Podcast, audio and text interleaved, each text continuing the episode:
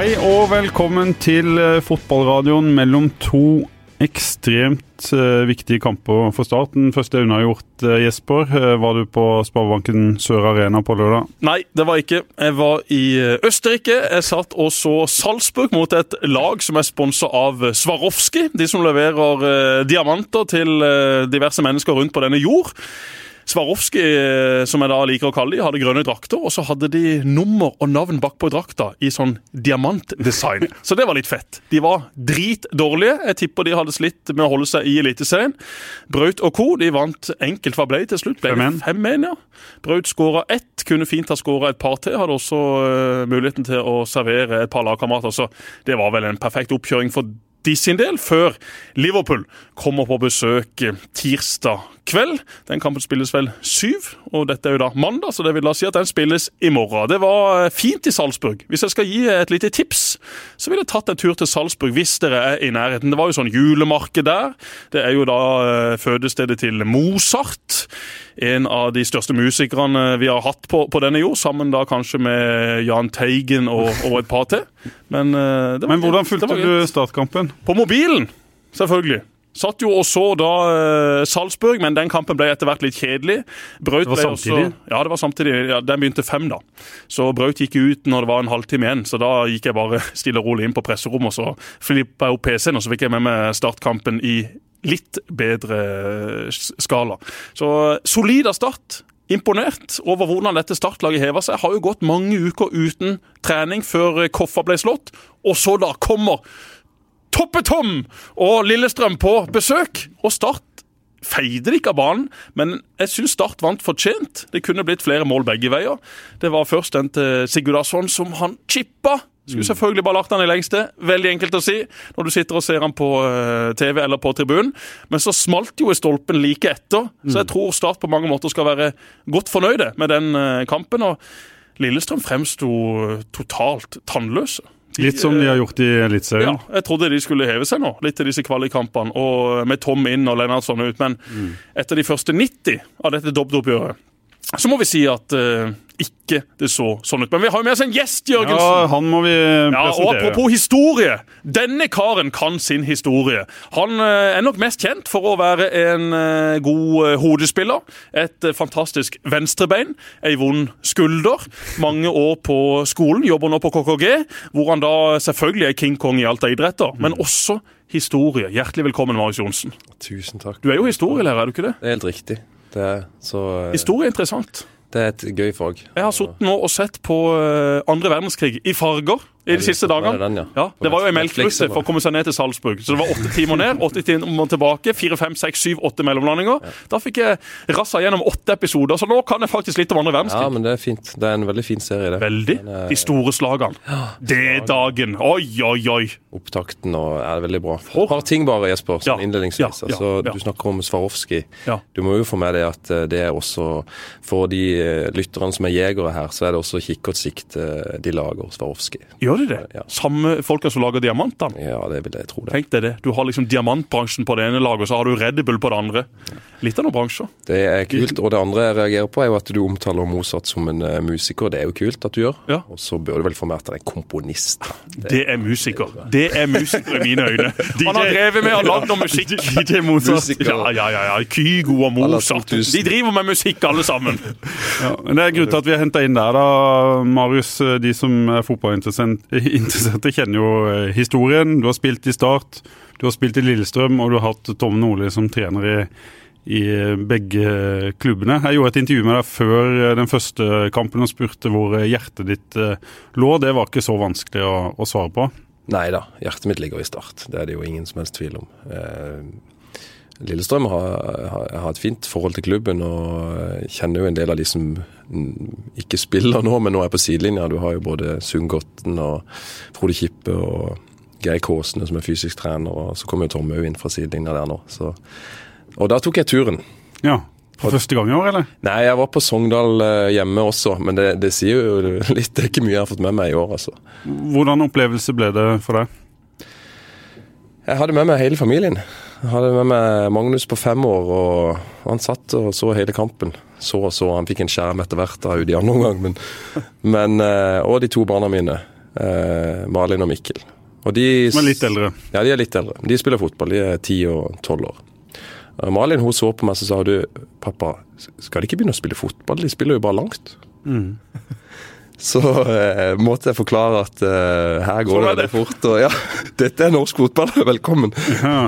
Nei da, men Det eh, er frispilling bakfra og kortpasningsspill som eh, de øver på. ja, det er klart vi må jo jobbe med det når de er små. Det er det jo ingen tvil om. Eh, Nå begynner det på øverst slå langt. Når de er ja, 15-16, så må vi begynne å øve på å slå litt langt for å strekke motstanderen litt. Men det skal spilles. Mm.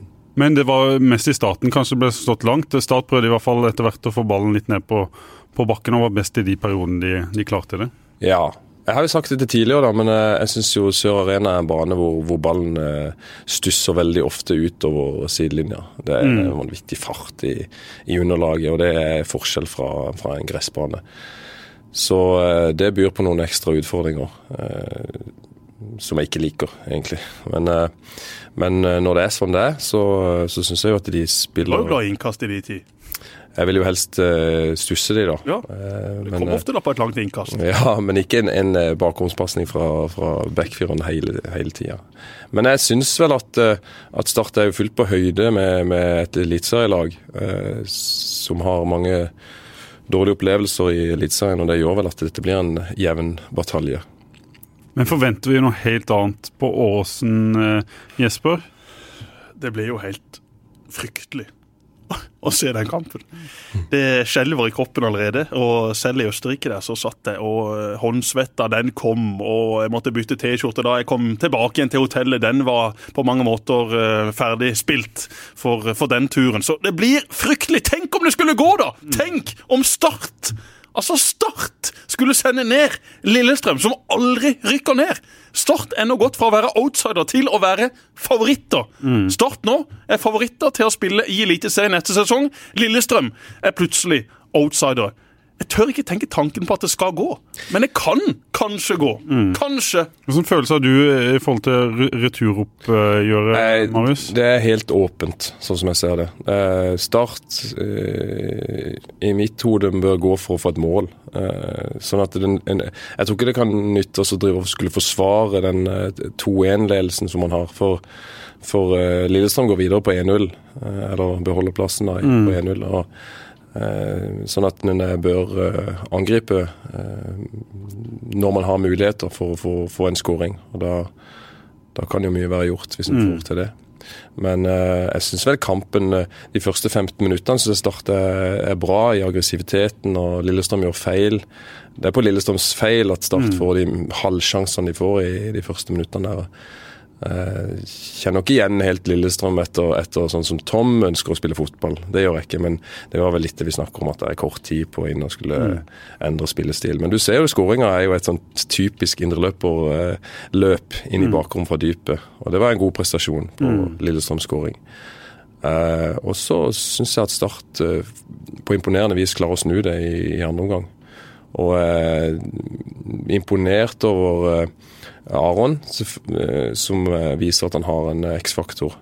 Og så syns jeg Eirik Vikne gjorde en eh, veldig veldig god kamp. Og det er i, mine øyne en, en, en spiller som ferdighetsmessig har et stort potensial. Som Ja. kan uh, faktisk uh, ha landslagsmuligheter på sikt, altså. Det er mange som har sammenligna med, med Jonas uh, Svensson. Jeg bare hørte flere snakke om det. At han både i, i kropp og, og spillestil og taktomslag og sånn ligner litt på, på Svensson, som er i ferd med å få en fin karriere ute. Ja, Han har alt som trengs, syns jeg. Og så får vi se hvor, hvordan eh, det mentale og, om han har eh, det til å ta det helt ut, da. Mm. Det får vi se. Du må ikke være så beskjeden. Vikne har alt av ferdigheter. Har uh, fysikk, har uh, greit med fart, er god med ballen. Og eh, det største talentet hans er jo treningsviljen. Ja, Da fikk jeg tilsendt en video av Rune Hægeland, som da satt på Sør Arena.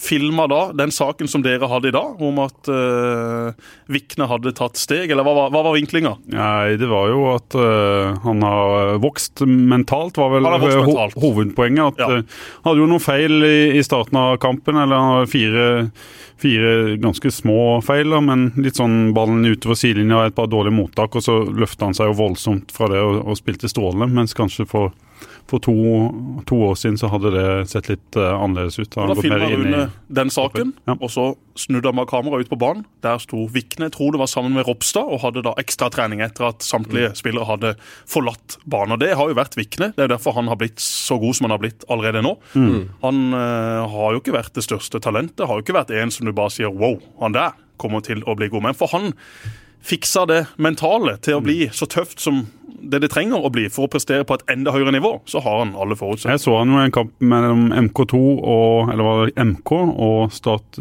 2. Da fikk jeg den eh, wow-følelsen. Det var rett før han, han kom til, til, Start. Så den fikk jeg Jesper og skrev om nå i etterkant. bare Altså. For the record. Men, for the record. Men Marius, det å komme til Åråsen, din eh, gamle hjemmebane, spille på naturgress, det er noen elementer her som som kan være med å prege en sånn eh, fotballkamp. Hva får vi på tribunene, hva får vi av omgivelsene, og hva får vi med et, eh, et skifte av underlag? Ja, jeg tror eh, når du er inne på det med tribunene og om, omstendighetene rundt, så skal Start være forberedt på ei heksegryte. Mm. Av godt med leven. Fordi at Lillestrøm er et sted hvor, hvor folk stiller opp for klubben sin uansett, altså. Så den klubben har nok en standing, eh, iallfall var det min opplevelse når jeg kom dit, at eh, det imponerte meg hvordan, hvordan byen eh, sto bak laget sitt. Det var egentlig mm. uansett hvordan det gikk, altså. Mm. Så de kommer til å, å, å mobilisere. virkelig mobilisere. Og de fansene er jo, de er jo flinke til mm. å lage leven. Og så tror jeg jo at, at selvfølgelig dette med naturgress er jo, er jo noe helt annet å spille på. Og jeg vet ikke hvordan Start er er vant til, til det. Eh, det blir nok en krig, vil jeg tro. Eh, så mm, ja. Men er Stad bedre rusta til en Lillestrøm til å stå den eh, krigen? Det så ikke sånn ut på, på, søndag. Jeg tror det mentale kommer til å bli det avgjørende på, på onsdag. De er relativt jevne, begge disse lagene. Ja, Start eh, vant den første kampen. Lillestrøm var ikke i nærheten av ja, der de burde vært med det mannskapet. Men sånn har det jo vært i ganske lang tid. Og eh, ja, det blir ei heksegutt på, på Åråsen, men samtidig så er det ganske mange Lillestrøm-supportere som har på mange måter eh, distansert seg litt fra det klubben har eh, holdt på med det mm. siste året, de siste to årene. Også dette med Tom. Mm. Mye motstand blant supporterne å, å gjøre det på den måten. Så Lillestrøm, med det de har gjort nå, har jo lagt alt i potten. Hvis Lillestrøm nå skulle rykke ned, så vil det jo være en total fiasko mm. med tanke på de grepene de har gjort, med tanke på hvor de lå plassert eh, på tabellen eh, seks-syv runder før slutt. Så Lillestrøm har jo alt presset på seg fortsatt, selv om Start er favoritter til å klare dette, mm. syns jeg. Og det tror jeg at veldig mange andre også syns, og det skjønner jo også Lillestrøm. Her har vi gjort et drastisk grep. Her fjerna de en svensk trener. Så henter de inn omdiskuterte Tom Nordli og så så det ut som det gjorde i den første kampen. De har så mye press på skuldrene sine nå, før den kampen på Åråsen på onsdag. Håndterer de det presset, ja, da har de fortsatt fine muligheter. Men klarer de ikke å håndtere det presset, da kommer Start til å rykke opp. For Start har spillere de som hever seg ved store anledninger. Damien Love, ja. Gjorde litt feil, men du ser han også i duellspillet. Du ser det også når Lene Olsen prøver seg. Vet du hva, ikke kom og prøv det. Mm. Aron Sigurdasson kommer til å få muligheter til å skåre også på Åråsen. Får Start ett mål. og jeg synes også som Marius at man må selvfølgelig jage mål. For skårer man ikke, så tror jeg ikke det blir eh, opprykk. Jeg tror Lillestrøm kommer til å skåre på hjemmebane. Mm. De eh, var jo bleike i sin siste hjemmekamp for sesongen i Eliteserien mot Sarpsborg. Da skapte de ikke en målsjanse. Men du ser allikevel mot Start at de skaper en del i Kristiansand. Og jeg tror også de kommer til å skape en del på Åråsen og kommer til å skåre mål. Start må skåre. Det tror jeg. Og det håper jeg de kommer til å klare. Jeg er så nervøs. Og ja, jeg jobber som fotballekspert i TV 2 og skal kanskje ikke alltid være så patisk, men vet du hva? Det driter jeg For Start har vært min klubb fra jeg ble født, og det blir det til den dagen jeg dør. Uvisst når det blir. Men det kommer til å være fryktelig å se den kampen på onsdag. Fryktelig! Hvis det blir seier! Ja, da blir jeg letta og glad. Først og fremst på eh, alle som jobber i, klubbens vegne. og Da snakker jeg om spillere, eiere, de som sitter på kontoret. Jeg har unner de det så utrolig. Så unner jeg samtidig ikke Ivar Hoff å rykke ned, da. Jeg gjør ikke det. Vi, vi, har våre venner Lillestrøm også, og jeg skjønner jo at for Marius, ja, hjertet ligger jo i, i start. men men det blir jo vondt også eventuelt å skulle se Lillestrøm rykke ned, Marius, for de har vært der oppe i så mange år. Og det er jo en av de stolteste klubbene vi har i Norge. Og mm. det også kan jo gjøre at de har et ekstra press på seg inn mot denne kampen. Ja, de, det er jo klart de kjenner på det. At det, de har, de har Det er vel det laget som har lengst fartstid i Eliteserien. 1975. Ja. Og det, det, er sånn som en beit seg merke i når han var der borte, at det var egentlig litt uhørt å være nede i, mm. i bunnstrid. Uh, det, men nå, det, nå, har de egentlig hatt litt tradisjon for å være det uh, de siste årene. Men det at de har klart seg, er det ja? Er det noen som spiller inn, eller er de så pressa nå at uh... Jeg tror jo at det, det er jo en fordel for dem i den situasjonen at, nå, da. At de har vært i den før og kommet helskinna ut av det. Men, men, men, selvfølgelig, som Jesper sier, de har et enormt press på seg. Mm. Det forventes at de skal at de skal klare seg. Men Vekker det litt samme følelse hos deg en, en, fotballkamp på dette nivået mellom to klubber som du har forhold eh, til, eller Start? da, At de er i den situasjonen her, eller er du eh, på en måte rolig og analytisk også når, når kampen eh, pågår? Nei, jeg, jeg, er jo, jeg, er jo, mest spent på Starts vegne, det må jeg jo si. Selv om vi hadde fine år i Lillestrøm, så er jo det. og Jeg håper virkelig at de, at de klarer det etter, en eh, litt sånn rotete periode, må en jo kunne mm. si. Eh, og så er det sånn at uh, Vi trenger ikke gå inn på den diskusjonen der, men det er jo synd å se engasjementet da for, for klubben i byen, hvor, hvor labert det er. Nå har jeg mm. stått litt på sidelinja, for jeg har jo ikke vært der sjøl noe særlig i det siste. Eh, og se hvor, hvor, hvor, lite trøkk det er. Mm. Eh, og folk snakker om at det var faktisk mye trøkk eh, på kampen nå. Så blir jeg jo litt overraska over, over, hvor vi har kommet hen. Mm. Det syns jeg er litt trist. Eller det er veldig trist. Synes jeg. Men tror, tror, du det kommer tilbake igjen, eller er det mer sånn samfunnsgreier som spiller inn her? Nei, det kommer tilbake igjen, det tror jeg. Men, men, vi trenger jo at Start kommer seg opp nå. Det er jo mm. det. Og kan vise at vi har lokale profiler som, som som eh, mestrer det nivået, eh, eliteserienivået. Og hvis vi får se lokale gutter prestere godt i Eliteserien og, og, eh, og, få resultater, så tror jeg jo at eh, engasjementet rundt klubben eh, kommer tilbake. Men det har vært en litt død periode. Dette opprykket her som de spiller om nå, det kan gjøre at ting snur litt igjen. Mm. Bare en situasjon fra tribunene på, på, Sør Arena som kanskje er litt beskrivende i, i, med tanke på hva en har av utfordringer. er at det sitter ja, La oss si at 10 av de som sitter på kampen, sitter og kikker på uh, Manchester City, Manchester United på mobilen mens de er på, på startkamp. Jesper, det, det er blitt en uh, annerledes verden vi lever i? Ja, konkurransen fra Premier League, eh, kanskje United spesielt når de har Solskjær som, som, trener, ikke minst et Liverpool som gjør det så bra, er jo enorm. Mm. Og jeg forstår jo at uh, hvis du skal sitte og se en fotballkamp og bli underholdt, så velger du en kamp fra Premier League. Men jeg forstår ikke at det kan vekke de samme følelsene som det det kan være å se Start, hvis du da er fra Kristiansand, hvis du har hatt et forhold, en relasjon til klubben. For når jeg ser Start spille kamp Jeg har vært fanatisk United-fan i mine barndomsår. Mm. Jeg har avtatt veldig de siste årene. Men det å se Start spille, det er jo ikke alltid så gøy. Det er jo mest vondt. Også det vekker frustrasjon, tror jeg. Mye følelser, som du sier, det vekker. Men det har jo vekt mest frustrasjon i de siste, den Absolutt, siste tida. Absolutt, og dette har jo vært en frustrerende sesong også. Men tenk å rykke opp via kvalik. Det er den perfekte måten å rykke opp på.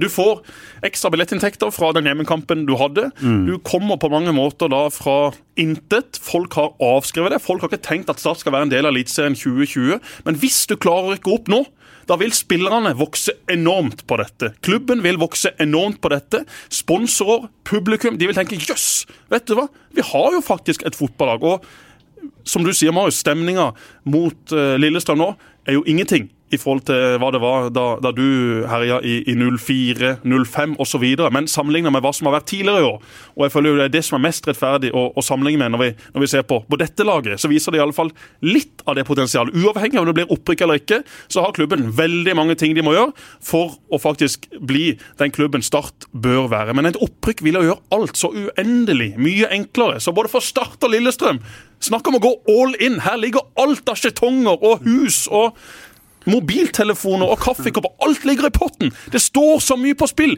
Glem sånne kamper om å vinne eh, sølv eller bronse.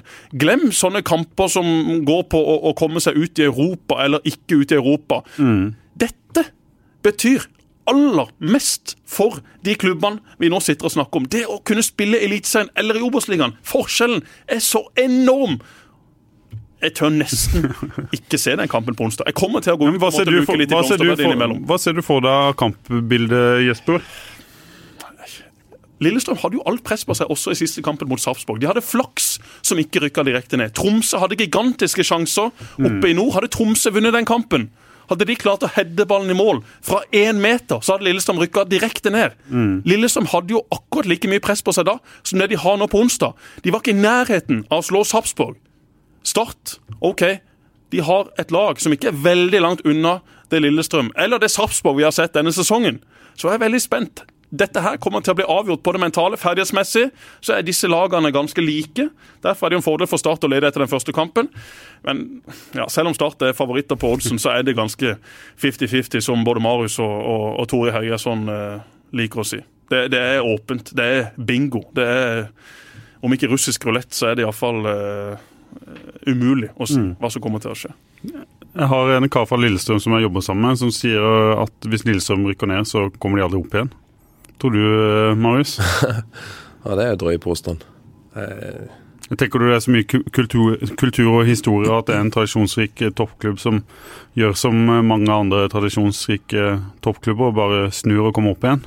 Ja, det, det tenker jeg at de gjør. Uh, og vel å merke så må jo satsinga opprettholdes. og eh, de har jo et fantastisk anlegg der borte til å, til å drive toppfotball. Med hallen sin og med de gressbanene på utsida der, som er helt enormt bra.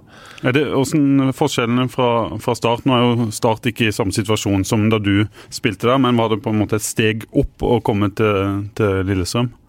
Ja, iallfall på, på med disse rammebetingelsene med, med treningsfasilitetene. Det er jo eh, litt på bondelandet, Lillestrøm. Og de har mye, mye, mye baner tilgjengelig. Mye gressbaner. Og, så alt er jo samla på ett sted der, mer eller mindre. Eh, Og det er jo, en, eh, det er jo et pluss, syns jeg. Og veldig fine gressbaner som de trener på. Så ja, de har et, et anlegg som ligner mer på litt, litt sånn internasjonalt preg over det. Ja. Vi må snakke litt om Tom Nordli òg, som, som eh, kom inn eh, og fikk mye fokus eh, da han ble ansatt i, i forrige uke. Hadde du forventa mer Tom-preg over det Lillestrøm-laget du, du så? Ja, jeg hadde kanskje det. Det var ikke Men det er, så, det er så mye nerve i den kampen at det blir vel litt Spilt på litt lav risiko. Og jeg kjente igjen en del av, dødballvariantene til Tom. Det gjør han jo. Eh, men ikke så mye Var det rett på, du på løp ned og, og la deg inn i rekka? Det der med å sentrere alle spillerne i midten når du slår eh, uten vinkel og de tinga der? er det Ja, det ja, det, ja, det og, og hjørnespark i variantene. Og Ja. Eh, ja. Nikka litt i, nikka litt i lufta. men eh, Nei, men det er jo gøy. Jeg syns jo det er fascinerende å få Tom tilbake igjen i manesjen. Jeg, syns jo det. Eh, Men det virker som eh, har han en strategi om å få fokuset over på seg sjøl, eller er det bare sånn han er? Det tror jeg Han vil sikkert si at det, er for å få eh, ta presset av spillerne sine, men, eh, men jeg kjenner vel Tom at han, han, han liker jo å, å få, få litt fokus. Det gjør han jo. Så eh, Men det er klart, det kan jo virke litt eh, avvæpnende for spilleren, det. At, eh, at fokuset er litt mer over på han.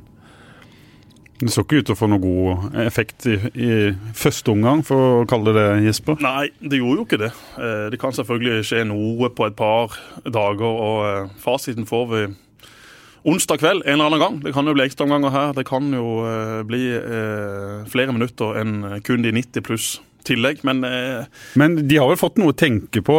Når, ok, De har trent på ting og bevegelsesmønster og litt 4-3-3, Ja. som vi ikke så veldig godt på på lørdag, og så skal de fortsette å drille dette, eller blir- det et helt annet fokus nå inn mot er eh, jo, startkampen? søndag er det jo restitusjon. Ja. Eh, mandag, to dager etter kamp, da, da er man eh, tung i beina. Eh, da er det ofte Det er en rulleringskjede, rolig trening der det, det vet sant? du. Yes. Og tirsdag så er det dagen før kamp. Eh, Da kan det selvfølgelig være litt coaching, men det er begrensa hva du kan gjøre. Det er på slutten av en lang sesong.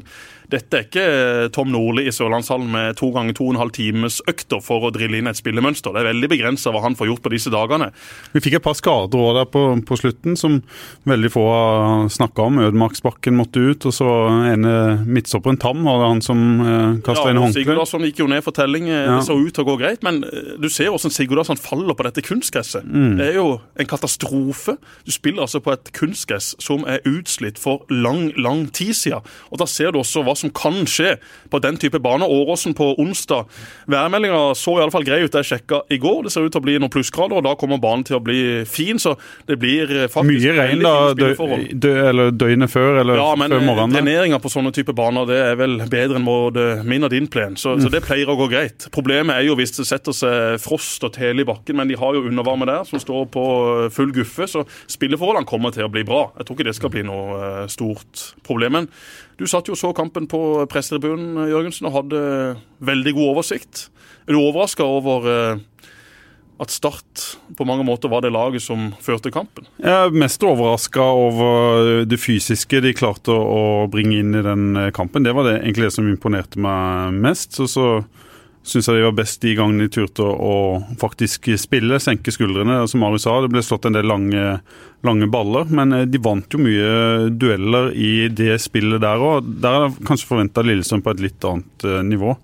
Og så er jeg litt overraska over alle feilene, særlig i første omgang, som Lillestrøm gjorde. I andre omgang var Start veldig gode og vant ekstremt mye dueller. I første omgang så, så slo jo Lillestrøm bort uh, ballen omtrent hver gang ja, de, de, fikk den. Første kvarteret der var det veldig mye feil fra Lillestrøms side, men det kommer jo også som en følge av et aggressivt startlag som, eh, som var litt på var fremme i skoene og, ja. og flytta beina kjapt. da. Absolutt. Og... Så har Martin Ramsland utrolig mye å si. Han var kanskje på 95% i første omgang, og så kom han ut i andre omgang og var på, på 100. Da du ser han, han uh, spurter fra den ene sida til den andre og, og lager kvalm for uh, Lillestrøm-forsvarer. Der må vi ha Martin Ramsland uh, i uh, Og så liker han i pressesona etter kampen. Ja, ja, Svan og Tom, da! He? Ikke la det bli prata til på den måten. Sett en rett i panna tilbake. Jeg, jeg likte måten han svarte på. Jeg likte også det. Sånn skal det være. Ja. Vi har for få av de typene i Start. Vi må ha mer sånn. Ut og være litt tøff. Ikke la deg pille på nesa. Verken på banen eller i pressesonen. Sånn blir du en profil. Men du hadde blitt mer eh, sinna av en sånn uh, melding, hadde du ikke det? Jeg tror nok jeg hadde svart noe lignende, men kanskje dra den enda lenger. Per Joar Hansen, hva skjedde? Per Johansen? Han, han, han, kalte meg for han kalte ja, Du sto ved Hey, I'm Ryan Reynolds. Recently, I asked Mint Mobile's legal team if big wireless companies are allowed to raise prices due to inflation. They said yes. And then when I asked if raising prices technically violates those onerous two year contracts, they said, What the f are you talking about, you insane Hollywood ass? So to recap, we're cutting the price of Mint Unlimited from $30 a month to just $15 a month. Give it a try at mintmobile.com slash switch. $45 up front for three months plus taxes and fees. Promoting for new customers for limited time. Unlimited more than 40 gigabytes per month. Slows. Full terms at mintmobile.com. For? Vet ikke. Apekatt? Jeg hadde, jeg hadde kritisert Rosenborg for uh... ja, var, Du hadde jo i forkant, du. Ja, ja. Så det hadde Per Jo hadde, det han beit seg merke i, det, vet du. Og... Ja, ja. Men vi skal være oppe i Fotballekstra et par år etter, og nå er vi perlevenner. Ja. Vi har Perry. Vi har alltid god tone på landslagssamlingene. Men det var, en, det var en case der. Men Martin Ramsland er en spisstype som Start har eh, savna litt. Mm. Og jeg, jeg, møtte han eh, første gang med Vigør sitt juniorlag. Da var han MK-spiller. Og da ble jeg overraska over, over, nivået på spissen til MK. Ja. Dette er jo virkelig en bra spiller, han kan bli god. Ja. Eh, og så eh, i det, så, det, som jeg så nå, var jo veldig gøy, og jeg, jeg syns jo det var veldig tøft i pressesonen etterpå. Det, mm der han svarer Tom og sier at uh, det er lov å være bitter når man har fotballkamper. Den likte jeg veldig godt. Ja, ja. Det, det, er veldig fortjent. Tom kan ikke komme og, si, og kalle han for en filmer og skuespiller, sånn som han gjør. Det, det, er helt uhørt. Hadde du sagt det med litt glimt i øyet, mm. så hadde det vært greit. Men, men det, Han sier det jo med bitterhet. Så, ja, og det er jo fotball vi holder på med. Det må da være rom for sånne meldinger. Tom har jo vært sånn i alle år, og da er det gøy også når folk tør å svare han. Det, det syns jeg. Oppriktig. Det tåler, det som skaper vi interesse. Jeg er sikker på det at uh, dere og NRK som, som sto der, har fått masse klikk og interesse på denne saken, og folk har fått et litt nytt syn på han derre trauste karen fra Marnardal. Mm. Jøss, mm. yes, han svarte Tom, han. For en tøff og fet fyr! Samme i kampen også. Erlend Segberg ned og blokker et skudd. Aremu tilbake igjen som den defensive midtbanespilleren han være. Kom igjen, gutter! Gjør oss stolte på onsdag! 90 minutter gjenstår av 2019. Tenk så gøy det kan bli i 2020 å forberede seg på å møte Rosenborg, Brann, Vålerenga. I stedet for, med all respekt, Erik Kjøne, Grorud og den gjengen i Obos-ligaen. Du, ja, nå, er du, nå er du inne på noen ting Jesper, som, som jeg synes var veldig gøy. Det var veldig gøy å se på sidelinja faktisk i den kampen. her. Det skjedde veldig mye. Det var et sirkus på, på benken. Det var det. Din bror var til og med engasjert. Espen Johnsen. Espen Johnsen, som er startlege. De gangene jeg har sett han på benken, så sitter han stille og rolig i et eh, hjørne, og så løper han ut når, eh, når noen ble skada og ligger nede. Men jeg så når Bringaker skulle inn, og da tente jo Espen Johnsen til over henne og slo litt i brystkassa og ble engasjert. Så det var jo tydelig her at eh, det var mye som sto på spill. Men Espen liker jo litt fyr og temperatur, det er det jo ingen tvil om at han gjør. Eh, han er kjempeglad i det, og det var det jo litt, da. Eh, Og så kan vi jo spekulere i hva som var grunnen til at det ble litt temperatur på sidelinja. Men eh, nå Henrik Ropstad, som for øvrig også gjorde en god eh, kamp på venstrebekken Mange som gjorde gode kamper. Når han, når han, ble, eh, når han takla eh, Lillestrøm-spilleren ut over sidelinja der, og han holdt han igjen Så dere det? Han holdt Ja, han igjen i hendene, og Jon Knutsen kasta seg over Ropstad og pekte på han og skjelte han ut mens han lå nede.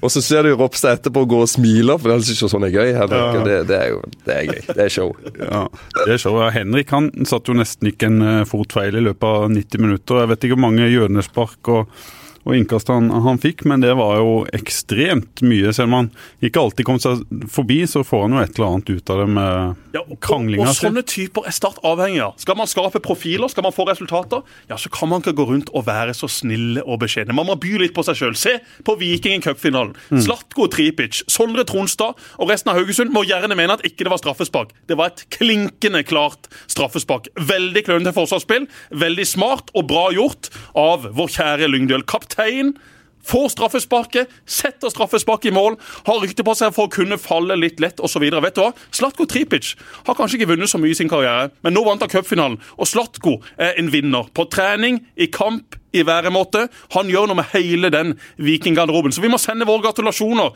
til Absolutt. Slatko, til eh, Røde Rolf, som kom inn på og trygga seieren på slutten. Yldren Ibrahimai. Har vi flere sørlendinger vi må gratulere? Amund Vikne. Ja, da har du de fire på Viking, og så får vi sende en eh, hyggelig tanke til, til Sondre Tronstad, som var fryktelig sinna på slutten. Ja, det skjønner jeg. For Sondre har hatt en eh, enorm sesong. Ble vel kåra til Haugesunds beste spiller i 2019 av supporterne, så han har virkelig levert. Vi diskuterte litt på Twitter i går. Han mente det ikke var straffespark. Jeg mente det var straffespark, og jeg har, som jeg pleier å ha i sånne type diskusjoner, fullstendig rett. Og så fikk han jo, var det fire eller fem gule kort på Haugesund-spillere i, i går. Det er jo en sånn en evne Slatko Tripic har. Han er jo garantert spilleren i Eliteserien som pådrar motstanderen eh, flest eh, gule kort ved å få den tåa på og så bli, bli takla, da. Ja, ja. Eh, Kan jo ikke si at han, han spiller, han blir jo tatt hardt noen ganger òg, men han kommer seg på en måte unna. Han vet, at, han vet hva som kommer og klarer å komme seg, seg unna, men der er han ekstremt flink, da. Ja. Veldig moro å, å se det vikinglaget i år, og de har jo klart å skapt profiler. Mm. Hvorfor det? Jo, de har gjort det bra sportslig, og de har bydd på seg sjøl også utafor banen. Løkberg, Thorsvedt, Tripic med flere andre. De har blitt blant de største profilene vi har i Eliteserien. Hadde du sagt det før sesongen starta, Mm. så hadde ikke så mange tatt det veldig seriøst. Men blir det ikke, det har vi diskutert før, blir det ikke profiler fordi prestasjonene kommer? Hadde, hvis Viking hadde vært eh, i bunnen av Eliteserien eller ikke rykka opp, så hadde de jo ikke blitt eh, profiler. Nei, det er jeg helt enig i, men allikevel. Viking har vært flinke på dette. Du ser på det Brannlaget, da, som har Mm. i toppen av Eliteserien i flere sesonger. Nå fikk de en skuffende sesong. Men hvem på Men de det Brannlaget har vært de, store de får ikke lov å bli profiler, det er jo forskjellen, da. Ja, pga. klubben. Mm. Ikke sant? Og det er det jeg sier. Viking som klubb, og de folkene som jobber i Viking, har vært flinke. Ja. Der må også Start komme. Det finnes jo mange kule spillere i Start, men du må gi dem rom til å utfolde seg. Rom til å at folk skal bli kjent med dem. Det var jo eh, Marius og co. veldig gode på. Marius, du var ikke den eh, som var aller mest glad i å stå i intervjusona og, og, og være klovn. Men Var ikke Marius? Nei, han var jo ikke det. Men de dødballmalerne du skårer, det, du- eh, det du leverte på banen, det gjorde deg til å bli en profil. Ja, men det, det handler jo om det som skjer på banen. At man er, skaper entusiasme og, og fremoverretta fotball. Det er, jo, det er, jo, det man ønsker å se. Jeg syns Viking har, eh, har, vært et sånt lag. Så det i cupfinalen òg, mot uh, Haugesund. Det er, jo, mm. det er, jo, god fyr og, og, intensitet i spill, og Torstvedt imponerer med God spiller. Ja, virkelig, altså. Og, og Slatko selvfølgelig går foran som en hærfører, og det gjorde han jo i start også. Men det det var jo litt eh, feil, det, da. Altså, han eh, var jo litt omdiskutert som, mm. som væremåte, men, men, klarer du å håndtere sånne spillere og få de til å bli eh, den hærføreren som han har blitt nå i Viking, med kapteinspinn, ja. og så, så, har han jo fått med seg Mm. Gruppa er sikker på Han har ikke forandra seg så veldig mye som type. Eh, Sikkert blitt litt mer voksen, men så spillere som vil ha plass, og som ikke får det, blir jo fort en ja, og, utfordring. Ja, og, men Bjarne Berntsen har jo trykka på de riktige knappene, tror jeg. I, mm. i det tilfellet der. Yes, Marius, ja. du har med deg noen som ligger på bordet her. Har det. Marius ja. har jobba. Han har uh, levert en masteroppgave. Det har jeg. Den er ferdig? Den er ferdig. Og så sa jeg at den handla om Braut eh, Haaland, og det var voldsomt eh, tabloid, for det gjør den selvfølgelig ikke. Men han er en eh, del av den? Ja, han er jo det. Han har vært i, i det miljøet som jeg har undersøkt. da. Det er Bryne G99-miljøet som jeg har tatt for meg. Og intervjua både spillere og trenere og foreldre. Apropos Bjarne Bensen, hun da lille, lillebror til Bjarne Berntsen som har vært trener for ditt, disse siden de var bitte små. Det er det. Alf Ingve Berntsen. Alfie, som han kalles. Har vært en av trenerne mm. i dette eh, årskullet her, da. Hvorfor de... gjorde du det? Nei, egentlig fordi at uh, For det første så, så, tok jeg masteren, da. Jeg hadde lyst til å Jeg jobber jo på KKG, mm. uh, og, og ja, bør vel helst ha en master da, når du skal jobbe på videregående skole. Uh, og har alltid hatt et mål om å ta den masteren, da. Så når jeg begynte eh, på det studiet, så er det først et år med forskjellige fag og statistikk og metode og alle disse tingene her. Så det hadde ikke liksom utkrystallisert seg noe hva jeg skulle skrive om. Men eh, så, så ble dette presentert da av eh, mine veiledere Bjørn Tore Johansen. Bjørn Tore. Yes. Og Martin Erikstad, som nylig har tatt en doktorgrad på, på spillutvikling. Mm. Eh, og da var jo dette et miljø som jeg egentlig kjente til. For jeg har vært på cupfinaleseminar og sett at de har presentert eh, det opplegget sitt der. Men det er ikke noe som har gjort noe vitenskapelig arbeid på det. da. For det her er en suksesshistorie som, som ligger der og som har venta å komme frem i lyset, eller?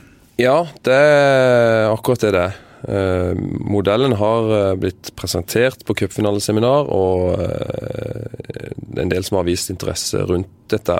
Folk i fotballmiljøet kjenner til dette mm. miljøet. Men på universitetsnivå så er det jo ikke noen som har gjort noe på dette før, før vi tok tak i det. da.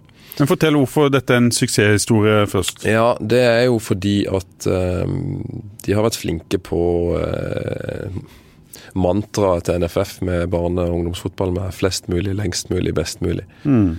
Så de har på en veldig god måte klart å kombinere tanken om at vi skal beholde flest mulig, lengst mulig.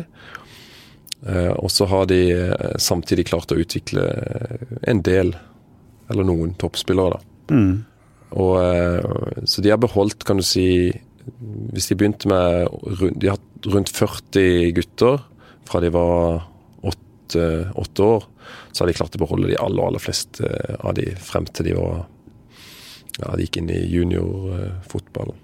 Og Erling Braut Haaland var en av disse, men hvor mange har nådd uh, toppfotballen? Ja, men når jeg sier juniorfotballen, så mener mm. jeg opp til sånn gutter uh, ja, 18-19 år gamle. Ja. Så, så de, og det er jo kjempebra, da. For det er jo mm. det som egentlig er målet. Det er mange, mange mål med fotballen, men, men det å holde de aktive i idretten, mm. det er jo kjempebra, da. For, for, noen av de gikk videre til andre klubber? ja, etter hvert har... så gjorde de jo det, da. Ja. Mm. Men, uh, så det er veldig få som har slutta. Samtidig som de har utvikla ja, toppspillere. Erling Braut Haaland er jo den eh, som er mest kjent av disse som har vært i det miljøet. Uh, men de har jo også hatt uh, vikingspillere som, som, har vært i miljøet. Og, og andre spillere i, i Obos-liga mm. som har vært i det. Og de er jo fortsatt ganske unge. De er jo bare, de er jo G99, så de er 20 år da. Men har det gjort noe med ditt syn på fotballen og, og dykke i dette? Uh, ja, på, på, noen ting så har jeg blitt mer uh, forsterka, egentlig, en del av de tingene som man har tenkt er viktig. Mm. Uh, fotball, spillerutvikling er jo et sånn maratonløp, ikke sant. Hvor uh, ting tar veldig lang tid, og man ønsker jo at eh, Det er jo hele tida du, du, tenker på den der, den der eh, flest mulig, lengst mulig og best mulig. At det kan gå litt mot hverandre. Eh, men det handler om å kombinere dette på en god måte. Mm. Det, det, er det de har klart å få til. da. Men Hva er det som er viktige elementer i, i, i måten å gjøre det på?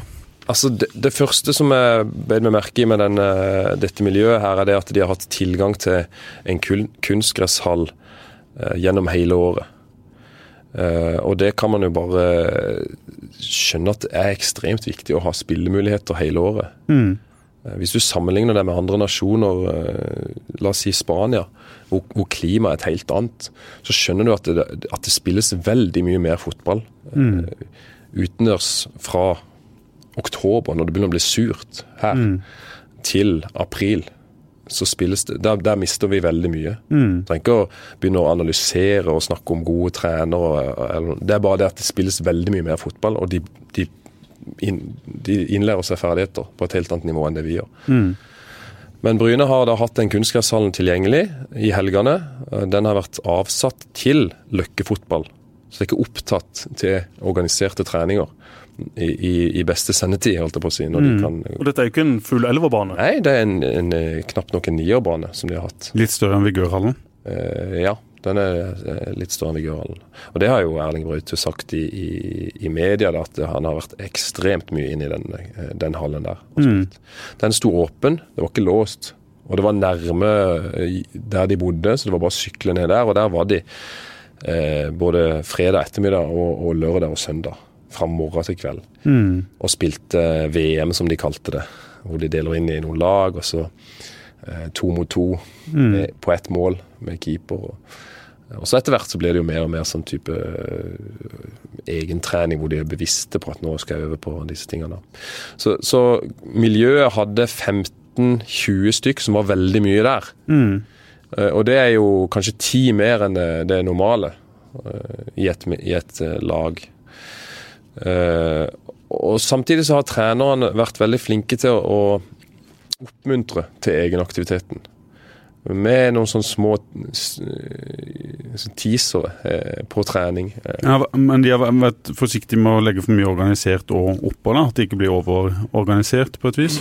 Ja, som treneren sa, så, så, trengte vi ikke trene så veldig mye organisert. Fordi at guttene trente ekstremt mye uorganisert. Så de, var, de tilrettela for det da, og tok hensyn til at det ble trent veldig mye eh, mm. organisert. Uh, så, så, så, så, de har hatt uh, både et eksempel på trening så, så så skulle de dele inn gruppa at de, de er 40 spillere. De kan mm. ikke spille alle mot alle. Altså de, så de delte inn da. Ok, Så sa de nå tar vi en trikskonkurranse.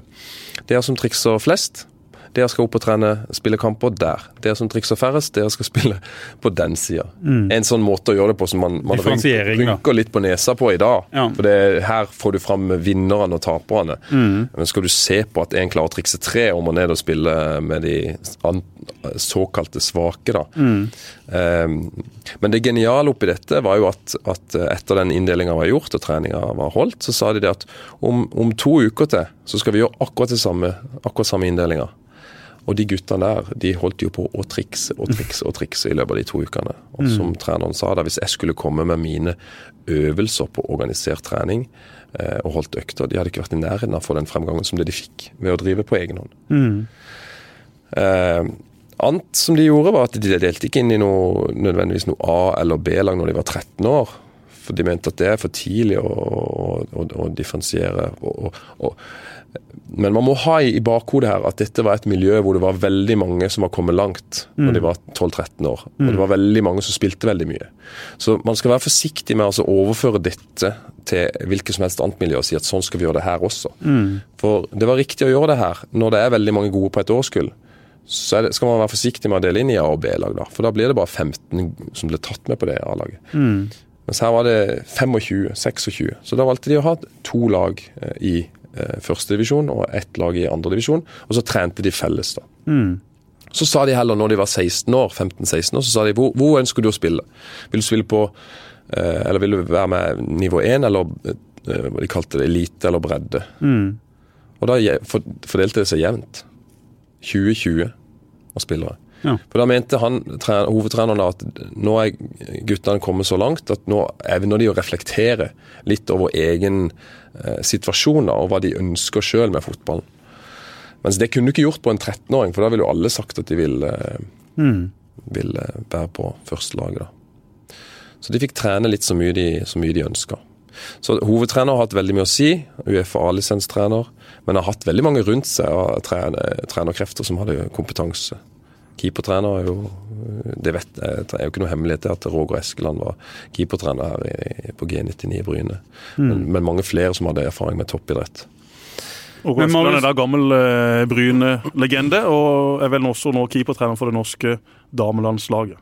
Men hvilken overføringsverdi kan dette gi til, til deg, da, som, eller meg, eller de som trener eh, små barn? Du har jo hatt dette med, med tilgjengelighet til haller og sånn som en eh, kjepphest, og du skrev om dette i et innlegg i, i Fedrelandsvennen i, i fjor, da det kom ganske mye snø, og du var tydelig frustrert.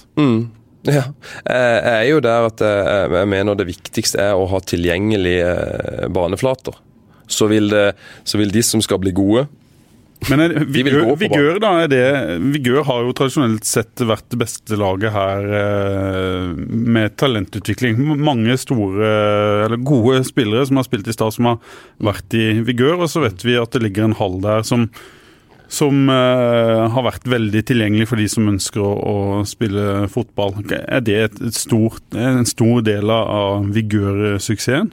Det er iallfall en medvirkende faktor. Det er vanskelig å liksom si at det er det som har gjort det. Men Vigør har- helt klart hatt mye å si for, for, eh, for de som har blitt veldig gode. Hva hadde du å si for det? Eh, nei, jeg var der oppe jeg òg, men da, da var det ikke kunstgress når jeg spilte. Men eh, de som trener mye, de har hatt mulighet til å være der oppe mye. Og Vigør har også kontinuitet på ledersida. Sant? Geir Toven har vært i klubben i 18 år, og han er fortsatt daglig leder i Vigør. Det er ikke mange daglige ledere som sitter i breddeklubber så lenge. Så det har, og han sitter med en sånn en kompetanse som man ikke skal undervurdere. Han er flink til å tilrettelegge for, for, for eh, de som ønsker å spille mye. Eh, Vi har tre årsverk. Vi har eh, Fredrik Sørensen på sportslig leder. Vi har Morgan Karlsen på, på barne- og fotballansvarlig. Bare det tror jeg ikke er så vanlig i, i breddefotballen. I tillegg så har vi jo, når du har tradisjon for å fostre fram elitespillere i en klubb, så blir det en sånn selvforsterkende effekt. At de unge ser at eh, forbildene de sine er egentlig Vigør-gutter. Så Erlend Segberg er Vigør-spiller. Eh, selv, selv om han har vært litt i start, men vi regner han som Vigør-spiller. Tobias Christensen, Lars Jørgen Salvesen. Altså det er Det tror jeg òg har en, eh, en synergieffekt. Eh, og så, så, så har jeg jo veldig tro på det at i dette miljøet her, Bryne-miljøet, så de som var best når de var ti-elleve år, det var de som nådde lengst. Og der ligger det nok noe like mye noen, noe mentale ferdigheter som, eh, som ikke du nesten kan trene deg til. Eller Men er det sånn at I en gruppe på 15 så er det vanskelig å se blant de 15 beste hvem som eh, vil bli best, enn at noen som var svake eller svakere når de var, var mindre, kan bli, bli toppspillere. Ja, men i dette miljøet her så, så var det nok de, de som ble best, de var blant de fem-seks beste eh, når de var små. Men det du klarer, det du får til da, er jo å løfte eh, fra nummer fem og ned til nummer 20, kanskje. Får du jo løfta ved å ha et fokus på alle. Men de har stilt enorme krav til disse spillerne. Det har ikke vært noe sånn eh, kom her og gjør som du vil, og tøys og tull. Det var ikke, det var ikke snakk om noe tøys og tull. Det var stilt enorme krav til innsats og, og tilstedeværelse. Og, uh, hele laget ble sendt hjem fra treninga hvis ikke de oppførte seg og, og gjorde som de skulle.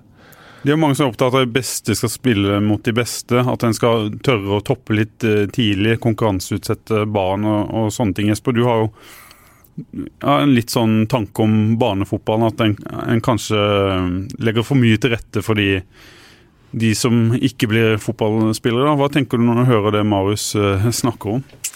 Nei, Dette kan jo Marius eh, bedre og mer om enn meg. Eh, Det jeg snakker om er jo på mange måter det jeg sjøl har opplevd og det jeg har sett rundt meg i, i min tid. og jeg skulle jo komme med til et lag hvor det hadde vært et høyere nivå på de jeg spilte sammen med tidligere. For jeg hadde egentlig null og niks konkurranse, og vi var det beste laget i Kristiansand. Men det å, å samle de beste spillerne i mitt kull eller i de kullene over meg, under meg, og, og, og, og hatt felles treninger sammen med de, tror jeg vi hadde hatt godt av også for å skaffe seg litt mer referanser på hvor lista lå.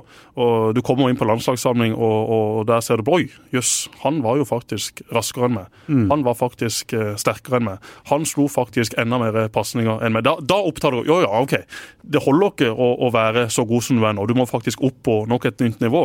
Når Bryne har hatt så mange gode spillere på et kull, så har de på mange måter klart å løse det der. Men ofte er jo problemet rundt forbi i gjerne da litt mindre klubber at du har kanskje to gode, så har du åtte middels, og så har du ti som aller helst vil sitte hjemme og se på Netflix. Da tror jeg du får et problem. Da er det om å gjøre å i alle fall skaffe arenaer. Det kan gjerne være en åpen hall, hvor da de som er mest ivrige, de som er de beste på det tidspunktet, kan få utfolde seg. Mm. Men her i miljøet her så har jo Braut Haaland da øh, øh, hatt en landslagsstopper å bryne seg på.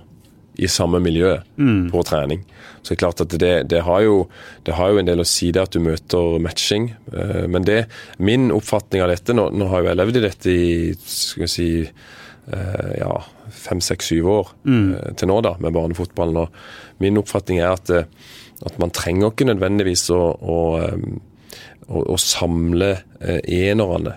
Det, trenger man ikke gjøre før en begynner med det på, på 12-13 års alderen, med, med sone og kretslag. Men, men det du må passe på, er at, eh, at de som er gode, eh, de som har kommet langt, de må få matching. da.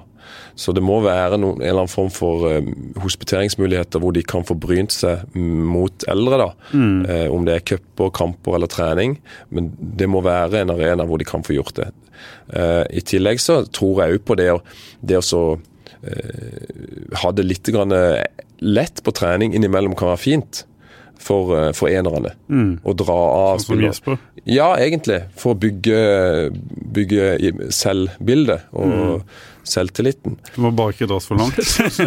Ja, ja. Men men også er det det sosiale aspektet ved dette. ikke sant? At, at det, det er kompiser, selv om de er på ulike nivåer, så er de gode klassekamerater. Og, og barn reflekterer ikke eh, Det er min erfaring at de, de, de, de rangerer Selv om de vet hvem som er gode og ikke gode, så kan de fint si at en som eh, kanskje ikke er kommet så langt, kan si at ja, han er, han er god. Ja. Og de har ikke den eh, egenskapen til å Har ikke fus valg på Kanskje han bare er veldig kul Har ikke fus snill? valg på Løkka? Jo, jeg har jo sett at de, de i, i, i 2019 så har de, har de faktisk De velger lag av og til.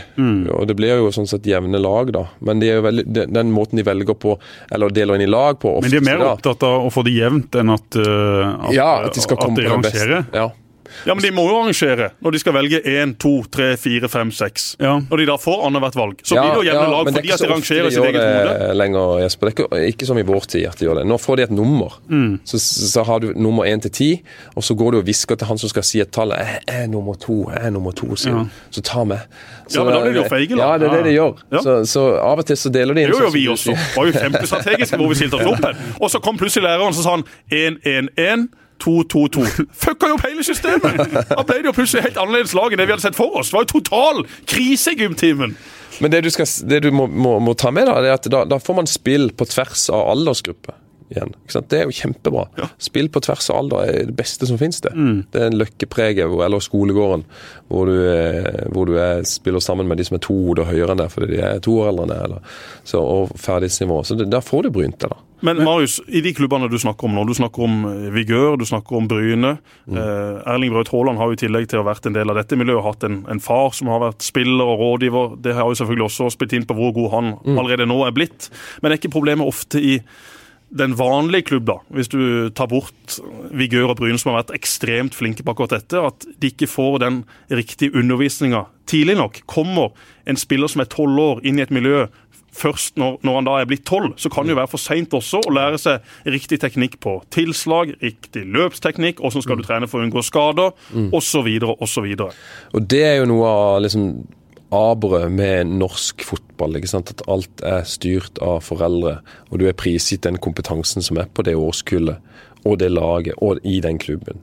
Så, så der mister vi nok eh, ganske mye. Men, men hvordan skal vi ellers uh, løse barnefotball, da? Altså Å skolere foreldrene enda bedre. det, og det gjør. Det, det det. gjør vi jo. NFF gjør jo det. De holder jo trenerkurs i huet og ræva, holdt jeg på å si. Det, Mm. Uh, men man kommer nødvendigvis ikke ut som en bedre fotball... Altså Kanskje litt, da. Men, uh, men det, er, det er nok litt å gå på der, altså med kompetansen i, i barnefotballen hos trenere. Er mange, så er, mange, så er det for mange som legger så vanvittig mye i potten. Ja, For- Det var det jeg skulle inn på. Jeg har tenkt å spørre, spørre deg om det. Vi trener samme årskull, Marius, og har møttes eh, noen ganger. Og vi møter også andre lag. Den eh, utålmodigheten på en måte som finnes der ute, og hvor, hvor mye som legges i, i potten, er egentlig det som overrasker meg mest. De der, ja, Måten det snakkes om barna, måten de rangeres av foreldre. 'Han er god, han er god, han har tatt et steg Han kommer til å bli god. Ja, han har tatt et steg tilbake, han er ikke så god lenger. Det er noe sånn der som ikke er sunt, Ja. tenker jeg. La de nå få være barn, og la de ha det gøy å spille fotball.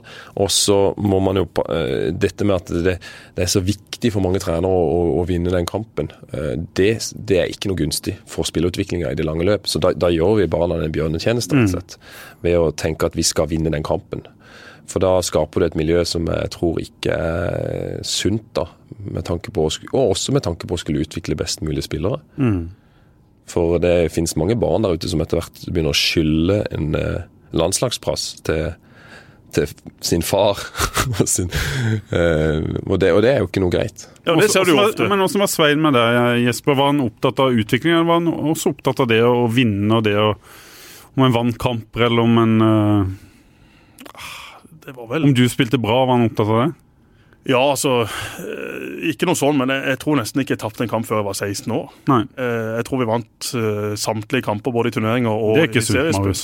Nei, er det Gimletroll vi snakker om? Jeg skjønner ikke. Gimletroll, ja. Ja. Det var et spesielt årskull, dette. Ja, for de hadde meg. Nei, men men det, det, det var jo prestasjon Nei, som var det sunt. viktige. Det er ikke sunt i det hele tatt. Nei, og det, og det var jo ikke sunt. Og det er det jeg sier. Når vi da først etter hvert ble Mm. samla, så så du OK, det er jo flere her som ikke er så veldig langt unna. Og du har vel sagt det å komme opp på A-lag og trene med Stats A-lag, at, du- at du tenkte på en måte at uh, det her fikser jeg greit, og så fikk du noen aha-opplevelser og litt motgang som, som Jeg fiksa jo veldig mye av det greit. Mm. Ferdighetsmessig på enkelte ting så var jeg jo fremst, men på kanskje de viktigste tingene, da, som gikk på det å være i god nok fysisk form, det å ha nok løpskraft, så var jeg ikke i nærheten. Ikke i nærheten. Hadde jeg visst det jeg vet nå, for Mm. 20 år siden, så hadde ikke jeg sittet her og prata med dere to. I alle fall ikke sånn som forfatninga mi er nå. Da, da hadde jeg vært uh, frisk, tror jeg. Jeg tror jeg hadde spilt fotball ennå. og Jeg tror jeg hadde spilt uh, fotball uh, Ikke i Kristiansand? det kan godt være i Start, for jeg er så glad i Start allikevel. Men karrieren min og, og livet mitt hadde vært helt annerledes. Jeg hadde jo ikke den kunnskapen da. Og eh, når du sammenligner da Marius eh, og meg på den tida, i 04-05 du kunne line opp Marius i, i bar overkropp, og du kunne line opp meg i bar overkropp. Ja, i dueller ute på banen så så det ganske jevnt ut, og Marius fikk sine lufteturer omvendt. Men sånn, det å være godt nok trent, det å være en atlet, der var jo Marius på et helt annet nivå. Og de kravene, de var der allerede da. De kravene tror jeg unge spillere da er mer oppmerksomme på. Men på en eller annen måte så fikk jeg det da inn i mitt enkle, begrensa hue. Og det angrer jeg jo på den dag i dag. Skulle Men- selvfølgelig vært mer nøye med det, Men men jeg klarte ikke å ta det innover meg. har du vært nøye med det hele tida, Marius, eller fikk du en aha-opplevelse og et møte med noen på et eller annet tidspunkt som, som uh, gjorde noe eh, med deg, da? Nei, jeg tror eh, det har egentlig ligget i meg en del fra jeg var bitte liten, og har drevet mye med både styrketrening og utholdenhetstrening eh, fra jeg var ja, si 10-11-12 år. Så hadde du en bror som var tidlig inne i eh, Ja, A-lagsfotballen. ja, det hadde jeg. Så er det en far som er flink til å spille på de riktige knappene, tror jeg. Til å eh, trykke på uh, få, få meg til å, å, å trene godt, men at det eh, For meg så fremsto det som at det var mitt initiativ. Det var ikke noe som pappa sa at nå må du gjøre det. Har du gjort det? Har du gjort det? Men det var mer det at han på en eller annen måte fikk det til å bli min greie, da. Hvis du skal bli god, så må du Ja, gjøre det. ja. Jeg husker han henta inn eh, Når jeg var litt skada, så snakka jeg litt med Arild Jørgensen, som var flink på utholdenhet. og var bare sånn småting, egentlig. på Så ble du god på ski òg? Nei, men det var utholdenhet. Jeg, ble god til Jeg hadde jo bra utholdenhet. Mm. Hadde. Men, Ja, og eh, det er jo det som også er greia med spillerutvikling, at hver case er jo forskjellig. Hvis du ser på Ja. hvordan pappa ble god, og den type spilleren han var, så er jo det totalt forskjellig av hva det jeg var. Jeg veide 30 kilo mer. Eh, vi sto bare og skøyt og slo pasninger og øvde på mottak og tekniske ting. Og de detaljene der. Så hadde vi noen fysiske økter, men det var liksom ikke det som gjaldt. Og det er jo på mange måter et helt riktig tankesett, for når du er ung og skal opp og fram, så må du lære deg de tingene der, og så kommer det fysiske etter hvert. Men det, det jeg sier at når du da skal inn og liksom trene en gruppe på 20 personer, så er det 20 forskjellige kropper, 20 forskjellige bakgrunner. De tåler ikke den samme type treninga like godt. Det vil gå i sykluser. Noen vokser en halvmeter det året, noen vokser to centimeter det neste året. Det der er så utrolig vanskelig, og som du sier, Pål, hvis noen da foreldre går og sier ja, nå har hans utvikling stoppa opp, glem det. Det kan være så veldig mange andre ting som gjør at han stopper opp, og så kommer han plutselig tilbake i 170. Så det er jo ikke, øh, ja, det er riktig som du sier, Jesper, at det handler om å, å egentlig bare holde på og holde på og holde på. Så vil du møte motgang. Men det, det er jo der det er viktig å ha noen øh, støttespillere rundt seg. Så det er jo ikke tilfeldig at øh, Erling Braut Haaland er så god som han er. Han har en far som er, er god, har vært god og vet hva, hva dette her dreier seg om. Det er jo en fordel. Og når alt øh, kommer til alt, så tror jeg at øh, det er mentale egenskaper eh, som eh, vil avgjøre hvor god du blir. Det, er ikke, det, det finnes veldig mange som kan bli gode fotballspillere, men til slutt så er det, det, er det de, de mentale ferdighetene dine som vil avgjøre hvilket nivå du kommer til å spille på. Nå snakker jeg om de som er gode, altså.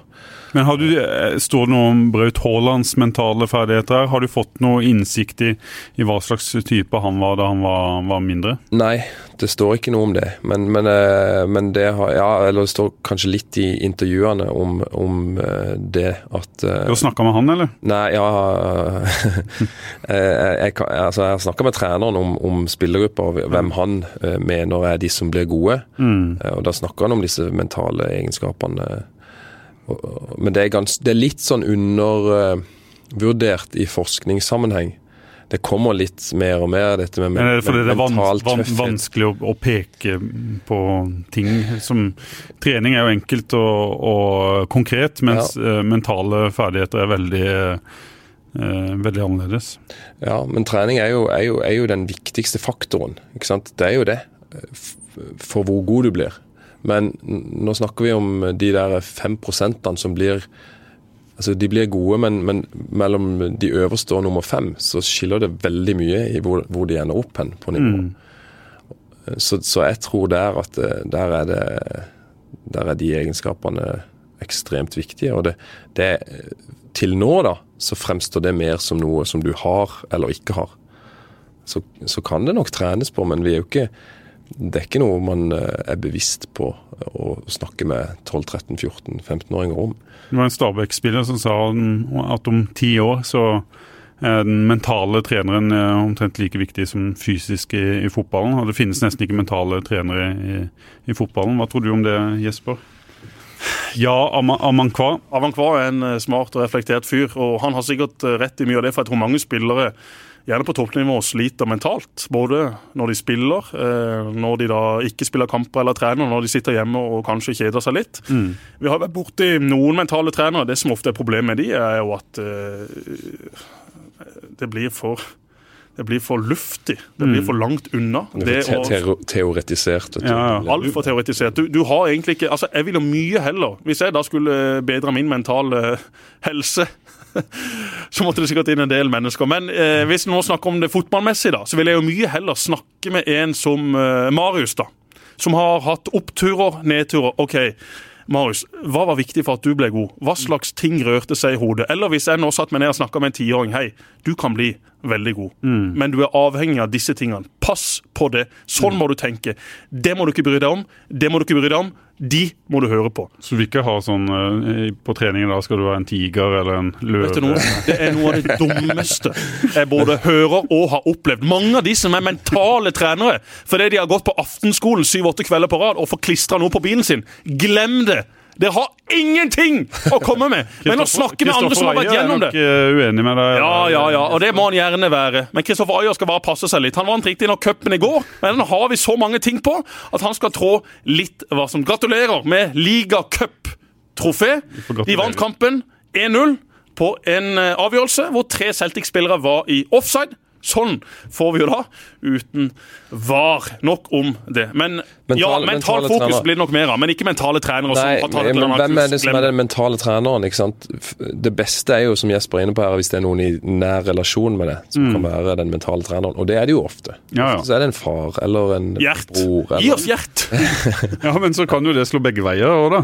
ja, eh, det kan jo det. Men eh, jeg tror hvis du spør de, eh, de som er kommet lengst, så, så har de hatt en far eller en mor eller en, eh, eller en trener som var flink til å, å prate med utøverne om, om disse tingene. Ja. Men så må du ikke glemme det at i, i, fen, i, i fenomenet Erling Braut Haaland, så, så kommer det ikke ut noen fysikk. Nei. Altså, det er, jo de fysiske, det er jo de fysiske egenskapene som har gjort at han har blitt så rå som han har blitt. Når du ser hva han er i stand til med sine 1,95 mm. cm og steg, hurtighet. Altså, det er jo Du kommer ikke utenom det. Det er en sånn pakke med mentale ferdigheter, fysiske egenskaper, tekniske egenskaper. Eh, Så det Ja. Ja, og alle som blir gode, trener jo mye. Det, det er jo sånn som alle gjør. Og så er det jo kvaliteten på det du gjør. Det er hva du er født med. Mm. Har du ting, har du ikke ting. Mange kan jo trene i 100 000 timer, men de klarer aldri å bli gode nok. For det er noen som bare ikke har det. Men han Og det var det en du sa i stad. Enten så har du enkelte ting, eller så har du det ikke. Det er noen ting som ikke er trenbart eller lærbart. Braut Haaland kan ikke lære seg opp til å bli den typen han har blitt. Ja, Der ligger det et eller annet i genene hans. Det er jo Men er, det, er ikke det typisk òg, da? At de som ofte går lengst, kjenner fryktelig på det å, å tape? Jeg har jo eksempler fra min egen barndom. De tre som eh, alltid havna i tottene på hverandre og sto og grein eh, etter kamper, det var jo Kai Roger Risholt og Inge André Olsen. ja. De, har, de var ekstremt dårlige tapere. Men, eh, Men apropos trenere, da. Hva er, hva er trenerens oppgave i en sånn setting? Det er jo å tone ned det vinnerfokuset. Du trenger ikke en trener da som driver og hauser opp rundt at eh, Nei, nei. de skal vinne den kampen. Det, jo, det vil være bedre for de guttene med en trener som prøver å balansere dette litt. Du kan aldri strippe de for dette vinnerinstinktet. Det vil de ha med seg til de går i grava. Eh, så gjelder det å temme Men var du det sånn? Ja. Det var jo, jeg hater jo å tape. Marius begynte jo å grine hvis han tapte. Den skippungen klagde på dommeravgjørelser, og ballen var ute, og ballen var aldri inne, og ditt og datt. Jøss, så gøy det var! Men det må temmes, vet du. Ja. Eh, Det må brukes fornuftig. Det der vinnerinstinktet til guttene og jentene. Ja. Interessant, da. Veldig interessant. Gøy å snakke med noen som faktisk har forska på dette. Ja. Ikke bare som, i alle fall i mitt tilfelle, sitter og skyter øst og vest. Og dere har jo unger i den alderen. Ja, du blir ekspert, sønner nå, så jeg eh, etter hvert. Av de blir fotballspillere, men det kan jo være at vi får oss enda flere unger etter hvert. Får vi se. Men skal vi si noe til, til slutt, her, Jesper, om det som skal skje? Dere skal ha sending på onsdag, Pål. Dere er i gang i to-tre-tida. Vi får komme oss til Lillesand relativt eh, tidlig på onsdag, og så kjører vi på med livesendinger og ja, følger dette tett. Så hvis du ikke skal se på en kamp eller reise til Lillestrøm, så må du følge med. med pleier å se de store avgjørende kampene som Start spiller hos Marius Johnsen. Hvor han da lager pizza, og hvor vi har da en hyggelig sammenkomst. Men invitasjonen har ikke kommet nå på flere år. Det vil jo enten si at Start ikke har spilt så mange viktige kamper de siste årene, eller at Marius ikke gidder å invitere meg lenger. Når ting er blitt en tradisjon, så kommer ikke invitasjonen. Nei, okay. Da tar jeg det som okay. selvfølge at du bare Akkurat, kommer. akkurat, akkurat. Det er derfor ikke den er kommet i år. Det var hyggelig. Det var da Steinar skulle i mål, var det ikke det? Så Borte mot Fredrikstad. I, semi, en eller annen semifinale. Det Var ingen av dere med? Nei, jeg tror Marius var skada. 2006? Og jeg var selvfølgelig skada. Jumpers 9, tror jeg. da. Ja. Vi hadde pizza hos Johnsen. Tror du ikke min egen Monica, eh, Eller er det Monica Marius hun heter? Monica nå. Monica nå. Vi har uh, skiltes, egen profil. skiltes Hun var sendt eh, ut av hus, så var det guttekveld hos Johnsen. Var hun sendt ut av hus? Hun var der iallfall ikke. Hun var nok ikke sendt ut. Tok seg sikkert en joggetur. Men det er bra. Det blir spennende på, på onsdag. Det blir vondt! Det blir Vondt, vondt! og spennende. Uff a meg! Tenk om det skulle gå, da! Tenk Tenk. på det! Tenk å sende Lillestrøm ned for Start sin del. Start som har vakla seg inn til en tredjeplass. Åpner med 2-1 hjemme mot Lillestrøm, og så skal det avgjøres på Åråsen. Vet du hva? Jeg skjønner faktisk ikke at vi gidder å holde på med dette. For de to timene på onsdag de kommer til å bli forferdelige. Jeg tror ikke det blir så vondt, eh, Jesper. Jeg tror den kampen har avgjort uh, pause. 2-0 Lillestrøm Nei. tidlig der. Heller omvendt. Vi får se. Lykke til, alle der ute.